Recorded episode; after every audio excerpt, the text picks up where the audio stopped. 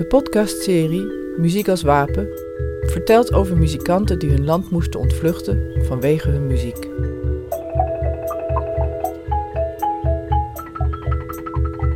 In dit deel hoe de vader van Nicolas Moreno moest vluchten.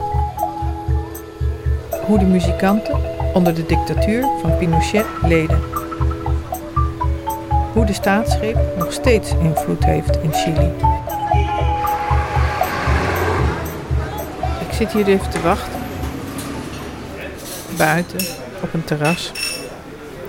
Televisie, Spaanse televisie aan. Ik ben aan het wachten op Nicolas Moreno. Het is echt ongelooflijk. Elke straat wel drie, vier honden. Nu komen er net weer vier honden langs gelopen. Ik zit nu voor, de, voor het conservatorium. Een meisje met een klein koffertje, kennelijk een dwarsfluit. Ik vrees dat er wel erg veel... Ik heb geen windkapje bij me, dus ik vrees dat er wel erg veel wind Gracias. Gracias dejarme Komt. De tuinman, Luis González, had me net naar binnen gelaten. Sí. Chao. ¿Y usted? ¿Cómo se llama? Luis. Luis González. Mucho gusto. Chao. ¿Me puede pasear un poco? Sí. ¿No? Sí. Gracias.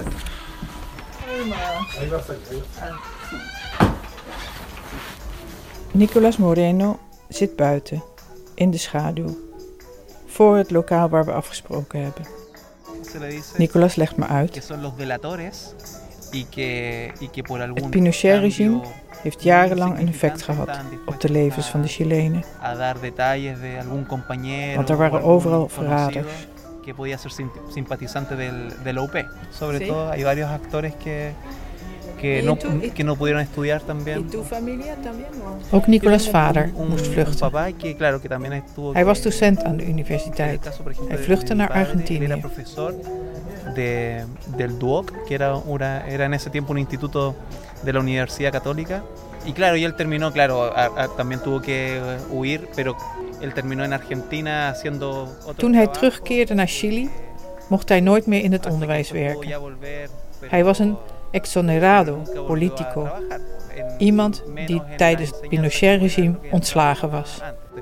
después la gente tenía, cuando se le permitía volver, era un, un exonerado político, nunca más podía volver a ejercer en los cargos que había estado. Tenían Nicolas' que vader mocht nooit meer lesgeven. Nu speelt Nicolas fanatiek de toen verboden muziek.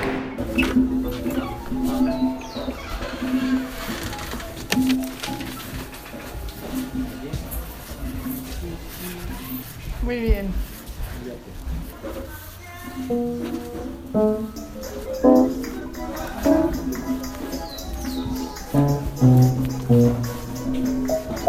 Todavía funciona. Zie? Er staat hier een eh, oude piano bij eh, het conservatorium onderaan de trap. En ik vraag net aan een jongen in de tuin of die nog steeds gebruikt wordt. En nog steeds gebruikt. Hij staat gewoon buiten. Is helemaal onder het mos. Maar hij klinkt eigenlijk nog best behoorlijk. En eh, er wordt dus kennelijk nog op gespeeld. Holanda. Holanda. Sí.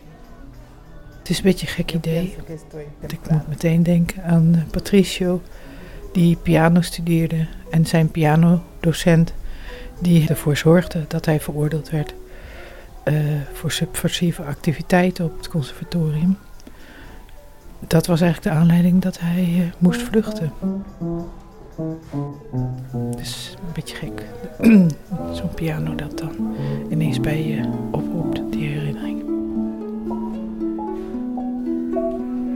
Dagboeknotitie.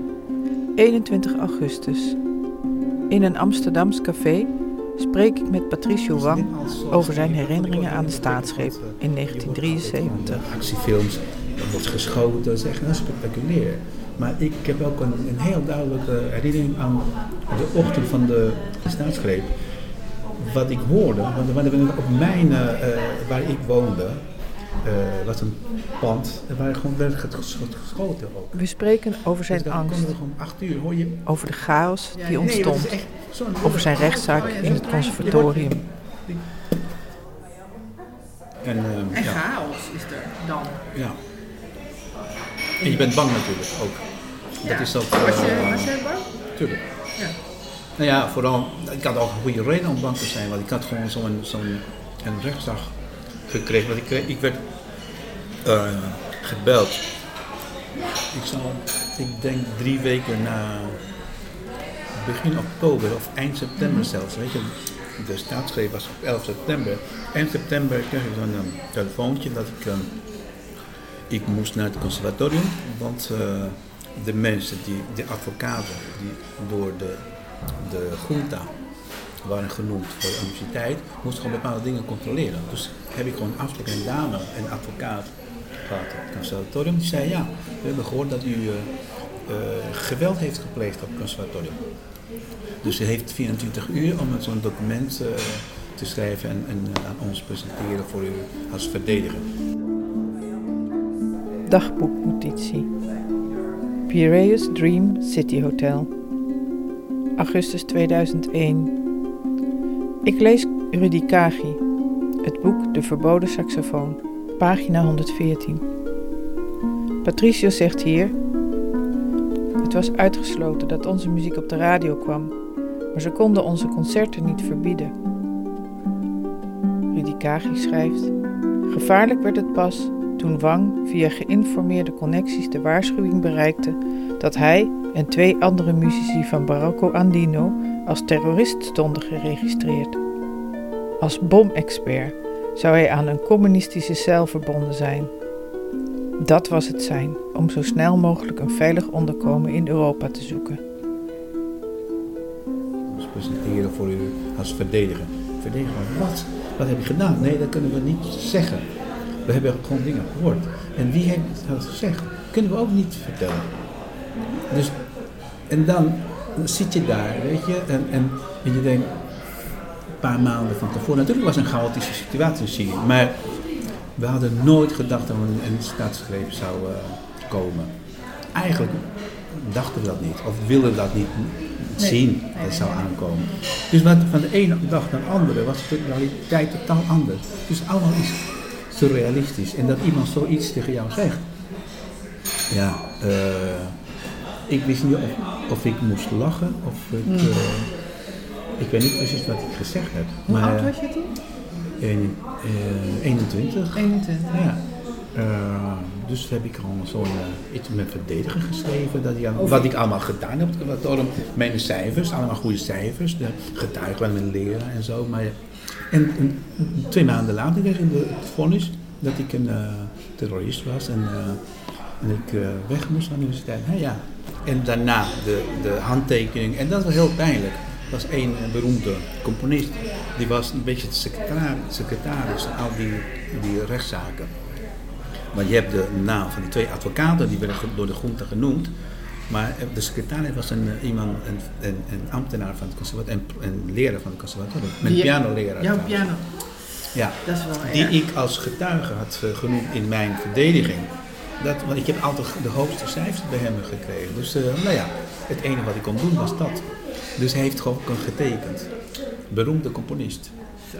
Ja, en dat is heel gek, want ik heb, het is zo pijnlijk. Op een gegeven moment nou, ga je weg en dat is gewoon verleden tijd. En dan, dat zijn dingen die je gewoon liever wil vergeten.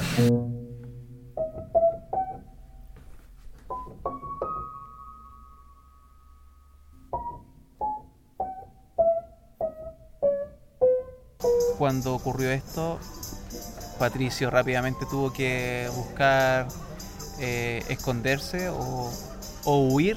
Porque Nicolás habían Moreno además legt me uit Dat toen dat Eh, gebeurde, Patricio snel moest onderduiken of vluchten. y que, y que Want er waren overal sapos, se verraders. dice aquí en Chile, sapos, se le dice, que son los delatores.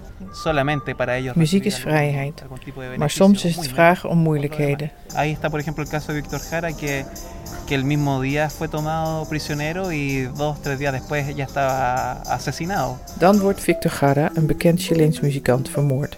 Vanwege zijn muziek. Dat is ook het moment dat Patricio Wang de klop op de deur niet afwachtte.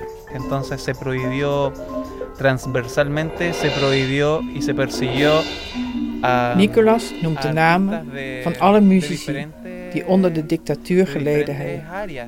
of die vermoord folcloristas hasta los trovadores, Een lange lijst. prácticamente todos. Eh, Gitano Rodríguez, por ejemplo, el mismo Víctor Jara, que terminó asesinado, Gitano Ar- Arrancó, eh, Payo Grondona, Julio Segers, o sea, prácticamente todos sufrieron. Ángel Parra, que también terminó en- viviendo en París hasta, hasta ahora que, que falleció. Hugo Moraga, o sea, todos, prácticamente todos. Y los que. Los que Volgende keer in Muziek als Wapen hoe ik in Chili op zoek ga naar het martelschip Esmeralda.